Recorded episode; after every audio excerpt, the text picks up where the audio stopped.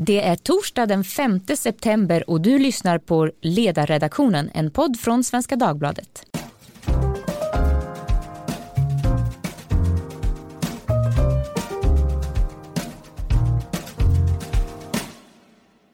Jag heter Maria Ludvigsson och idag ska vi prata om Brexit och om Storbritanniens premiärminister sedan sex veckor Boris Johnsons nederlag i parlamentet. Liksom om vad som nu väntar i Brexitprocessen. I tisdags och igår kväll led Boris Johnson flera nederlag i parlamentet.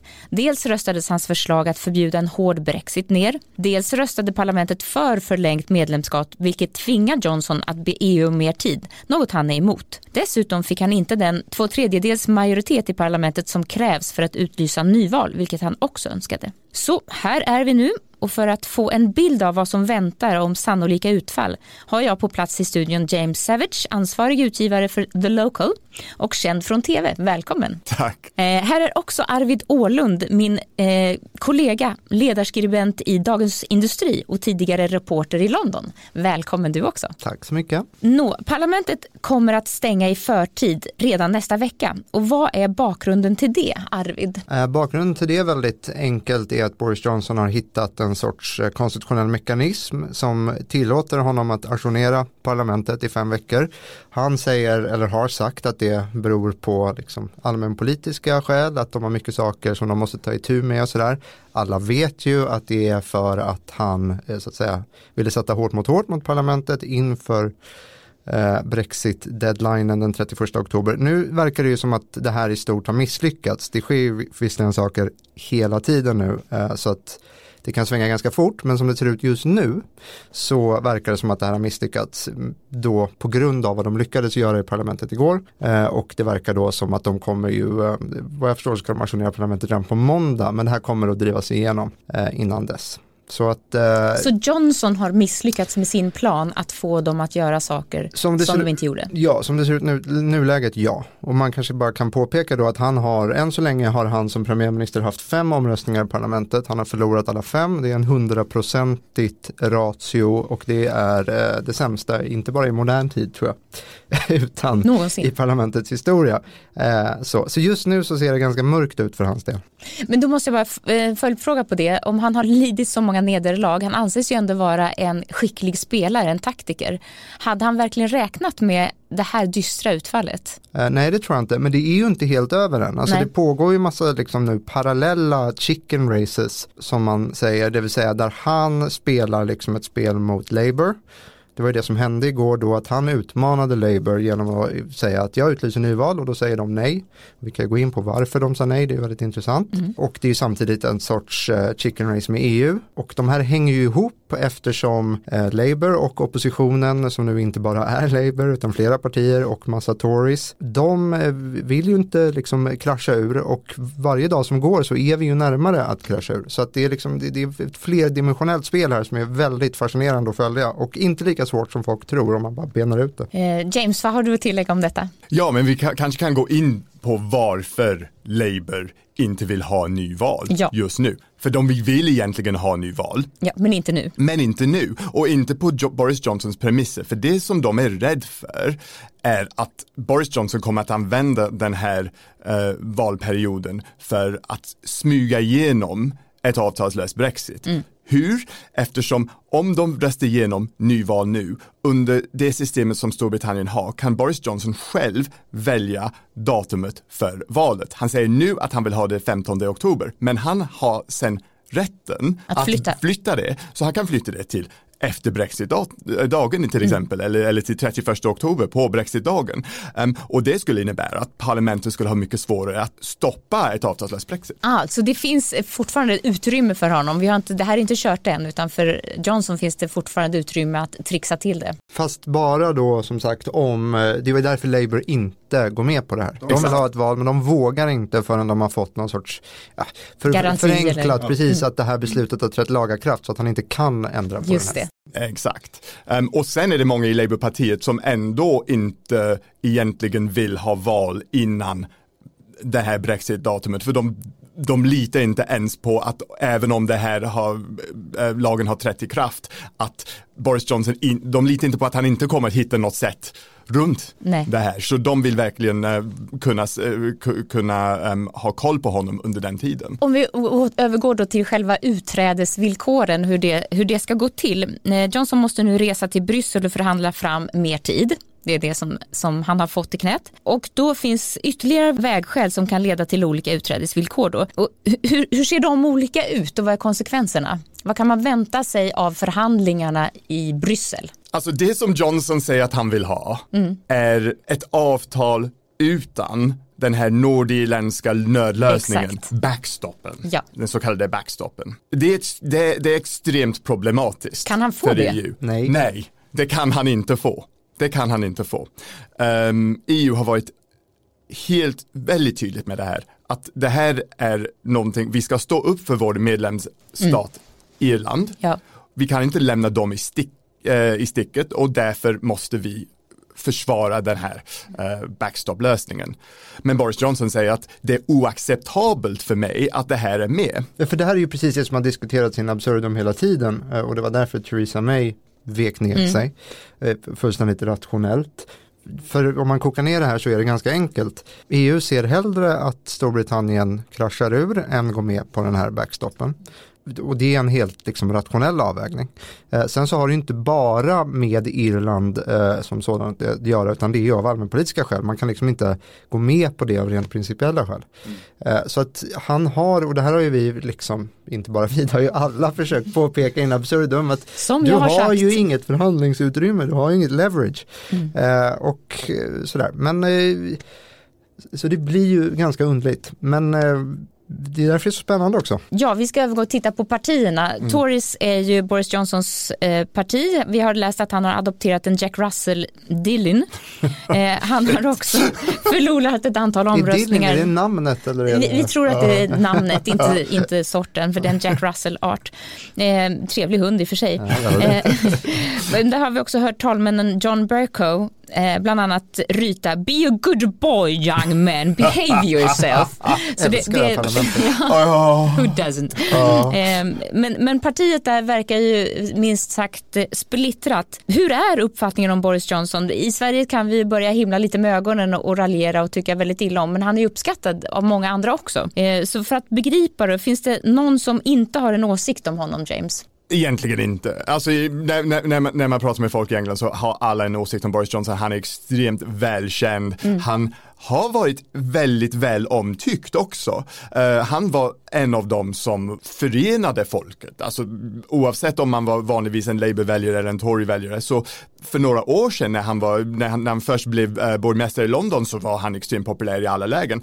Um, det har, har avtagit ja. ganska rejält ja. och nu eh, i synnerhet om man är eh, Brexit-motståndare, om man är Remain-anhängare så tycker man, in, tycker man ganska illa om Boris Johnson. Han har... Han var ju själv Remainer en tid. Ja, eller ja, han, han, han har växlat fram och tillbaka om mm. EU-frågan. Mm. Alltså det som, det, det, som framkommer om Boris Johnson ju mer man lär känna honom eh, liksom, som mm. politiker är att det är inte liksom grundprinciperna hos honom är inte särskilt starka. Det handlar väldigt mycket om, han är en politisk opportunist. Um, och och, eh, och, och det, det, har vi sett nu, att vi har sett någon som för några år sedan kunde säga, kunde säga till uh, journalister att det, vore, att, att det vore korkat att lämna EU och det gjorde han liksom långt innan, lång, långt innan folkomröstningskampanjen. Men han, han, han, han, han, sa, han sa sådana saker till, till, uh, till, till journalister. Och sen väljer han ändå att, uh, att, att vara ledstjärnan i kampanjen kampanjen för att lämna EU eftersom han såg att det gynnade hans egen karriär, vilket det gjorde i allra högsta grad. Och, och Tories då, partiet, han har ju uteslutit ett gäng av ganska tunga namn mm. i parlamentet som inte får med i, i partigruppen längre. Hur mår partiet om man kan fråga så? Uselt. Fullständigt mm. uselt, alltså historiska proportioner. Man, man kan ju säga bara några snabba saker om Boris Johnson. Han är ju en väldigt eh, så här, charmig, superintelligent, Eh, det är ju folk som tror att han inte är det, men det är han. Mm. Liksom, eh, skrupelfri opportunist sådär. Sen så är han ju, eh, om man ser på hans popularitet så är det ju liksom lite olika nivåer här. Han är ju inte lika impopulär i landet som det kanske sägs. Hans popularitetssiffror är inte höga, hans impopularitetssiffror såg jag nu är någonstans runt 40 procent. Mm. Jeremy Corbyn, alltså eh, oppositionsledaren, är uppe över någonstans runt 60. Ja. Eh, sen så är han ju populär, eh, Johnson alltså bland partiets medlemmar, men han är ju inte populär minst sagt nu i så att säga eh, ledargarnityret. Mm. Precis. Ja. Eh, och där är han ju, eh, han har tappat greppet alltså fullständigt. Eh, och bara för att liksom illustrera vad det är som har hänt de sista dagarna, alltså nu har ju de då mer eller mindre han sparkat ur ungefär 20 pers ur det här partiet. Alltså det är inte vilka som helst, det är liksom otroligt tunga namn. Det är dels då Nick Soames, alltså Nicholas Soames som är då Winston Churchills barnbarn. Mm. Eh, och det är ju, är ju ett, väger ganska tungt i Storbritannien. Ja. Sådär. Det är Philip Hammond som var eh, finansminister bara nyligen och eh, jättetungt namn också. En tidigare finansminister eh, som är, jag menar liksom det, det, det är väldigt seniora personer det här. Eh, så att han leker, alltså han spelar ett extremt högt spel. Absolut, och det, in, det, har inte blivit populärt inom partiet. Det som var slående var att igår så gick hundra, eh, jag tror det var ledamöter som var kvar i partiet ut och um, beklagade det som hade hänt och bad Boris Johnson släppa dem tillbaka in i partiet. Och den här gruppen, jag var fascinerad eftersom det, den leddes av en eh, politiker som jag känner sen, sen tidigare som, som heter Edward Lee och jag känner honom som en liksom väldigt euroskeptisk eh, Brexit-anhängare på partiets höga sida och till och med han som är ideologiskt ljusår från de som, som, som har uteslutits från partiet ville inte ha det på det här sättet.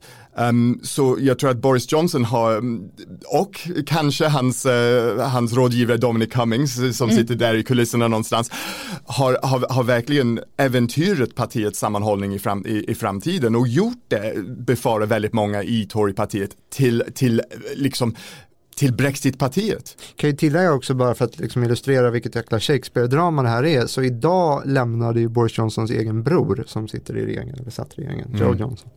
Lämnade också. För att han inte kan stå upp då bakom sin egen bror. Så att det börjar få liksom eh, det är litterära eh, proportioner det här. Ja, det, vi närmar oss Shakespeare verkligen. Ja, det det. Och det är ju spännande. Vi har det andra partiet, eh, Labour och Jeremy Corbyn mm. är inte heller särskilt populär. Vad jag förstår extremt, alltså tydligt vridna åt vänster. Han talar om mm. ett slags löntagarfonder som ska införas. Fyra dagars arbetsvecka, socialiseringar, mm. regleringar på, en ganska, eh, på ett ra ganska radikalt sätt. Vad är utsikterna för att han överhuvudtaget eller hans parti skulle kunna eh, ta över om det blir nyval? De, de, är, de, är, de är stora. De är inte mer än 50-50. De skulle jag säga att de är max 50-50. Mm. Eh, sen så kan man ju säga så här, alltså att Corbyn är inte särskilt populär alls, som vi nämnde nyss, själv. Politiken han bedriver har inte särskilt starkt stöd alls i Storbritannien. Eh, skulle han komma till makten och det stämmer att alltså, eh, Labour nu, Labours innersta kärna, de har det här väldigt omfattande, svepande, närmast liksom revolutionära de här liksom, politiska idéerna och väldigt utarbetade är de också.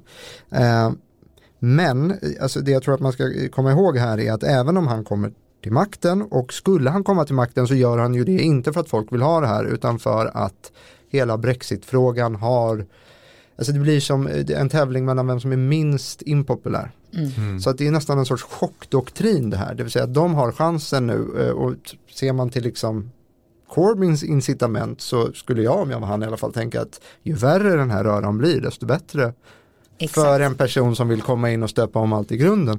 Eh, men det, vi har pratat en del om det här på mitt jobb också. Mm. Min linje är nog rätt mycket så här eh, att man ska nog nyansera det här lite. Mm. Kommer han till makten så mm. gör han det sannolikt eh, inom ramen för minoritetsregering. Eh, Boris Johnson kommer i så fall ha suttit några månader, Theresa May satt eh, i ja, några år men inte längre än så. Eh, det blir lite enkelt att tro eller säga att för att han kommer till makten så kommer det liksom att ske någon sorts omfattande socialistisk revolution mm. i Storbritannien. Eh, det, det, är att gå väldigt långt. Alltså det här är ju saker som det tar åratal att genomföra och du måste ha stark majoritet. Det brukar brittiska regeringar ha men de kommer inte ha det nu för att systemet är så fragmenterat. Helt rätt och det är inte bara att han antagligen inte kommer att ha egen majoritet. Även när man ser på hans ställning inom den parlamentariska Labourpartiet i partigruppen är det fortfarande väldigt svagt. Han ogillas av en majoritet uh, av sina egna ledamöter. Uh, han har tvingats på partigruppen av en, av, av en medlemsskara som egentligen består av folk som gick med i Labourpartiet bara för att rösta in Jeremy, Jeremy Corbyn. Corbyn. Där, får man, där får man komma ihåg. Påminner lite om Johnson på så sätt att du har, mm. de är liksom populära bland just nu ganska aktiva gräsrötter. Ja. Eh, båda två. De är inte särskilt populära, någon av dem egentligen, men framförallt inte Corbyn, bland folk i gemen och de är inte särskilt populära bland liksom, etablissemangen. Ja, det ger en hum om hur, alltså det som Boris Johnson går igenom nu ger en hum om hur det skulle kunna vara för, för Jeremy Corbyn om han kommer i regeringsställning. Och samtidigt så, så som du var inne på, han kommer igen antagligen att behöva lite, förlita sig på liberaldemokrater, mm. kanske skotska nationalister och en och, och, en och annan grön eller, eller, eller oberoende ledamot. Så han kommer inte kunna genomdriva någon slags socialistisk eh, Ja, inte, inte någon kan han nog, men absolut inte de här väldigt svepande systemförändringarna som de ser framför sig. Ja, jo, ja, alltså lite högre skatter liksom. Ja, nej, men det finns ett latent, eh, ett ja. latent missnöje. Jag menar, det är ju därför Labour är där de är delvis idag. Mm. Eh, där de är, om man jämför med vad de var för 20 år sedan med Tony Blair. Då. Mm. Och jag kommer ihåg att Margaret Thatcher har sagt någon gång att hennes fick frågan vad är du mest stolt över? Liksom, vad är ditt arv? Så där. Då sa han det är Tony Blair. Mm. Ja men absolut. Så att det, det har och hänt, det ja, och det, men det har hänt rätt mycket. Det vill säga så att det, det finns ett missnöje eh, som han så att säga utnyttjar eller eh, ja, så. Så att man ska inte liksom helt eh, säga att det inte kommer att bli så, men, men det är inte den i den omfattningen som vissa nu liksom tror och räds. Uh, nej, absolut inte, ab absolut. Och, och, och, men det jag menar är att när man ser på vilka eh, koalitionspartners han kommer att få, alltså Liberaldemokraterna och skotska nationalister, de, de är inte några socialistiska nej, nej, partier och de kommer inte släppa igenom någonting som är, någon, någon socialisering.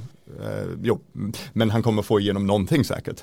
han kommer ändå vara premiärminister i så fall. Uh, och det här för ju också tanken till, för det låter som att det finns en partielit som är på ett visst sätt och finns det en annan grupp inom partierna som tycker någonting annat. Hur ser det ut i stämningen i landet mellan olika befolkningsgrupper? Är det lika starka motsättningar där som det är inom parlamentet? Eller börjar man tycka att vi ledsnar nästan på det politiska vi, vi tar avstånd för? för ibland får man ju intryck av att alla i Storbritannien är engagerade i varje politisk fråga fråga. Mm, men och, är det ja, så? Nej, ja, men de är ju också, man är ju som man är själv sådär när det stod på här i Sverige förra hösten. Man är väldigt fascinerad och intresserad samtidigt är man ganska trött på det. Mm. Man tycker alla är rätt hopplösa man skulle säga att de här alltså, skiljelinjerna skär ju väldigt djupt. Alltså, ja. det, det, det, finns ganska starkt stöd för Brexit i England, eh, i Wales. Det är ett väldigt svagt stöd i Skottland och eh, på Nordirland. Det är ju den här stadland konflikten såklart. I städerna så är stödet jättelågt och eh, i glesbygd eller i mindre städer sådär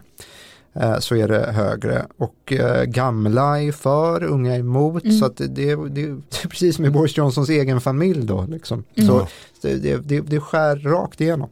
Eller Boris Johnson, i Boris Johnsons egen familj så, så vitt jag kan se är det bara en person som är för Brexit och det är Boris Johnson själv. Precis. Resten av familjen. Ja, han har flera syskon och en ja. pappa och så som är också är publika personer. Mm. hans syster var ju en av företrädarna för anti-Brexit-partiet ja. i EU-valet. Och hon, hon, hon, hon, till och med gick med i Liberaldemokraterna på grund Förra. av Brexit. Ja. Det är ju fascinerande ja. och så, så har vi illustration, idag. Men ganska bra, familjen är ingen särskilt bra illustration hur det ser ut i Storbritannien men, men, men motsättningarna inom familjen kanske är det. Ja, absolut. Mycket intressant. Tack så mycket för att ni båda kom hit och tack för att ni var med och lyssnade och har ni synpunkter på innehåll eller kanske rent av en idé om vad vi borde podda om så hör av er till ledarsidan svd.se. Vi hörs igen, hej då!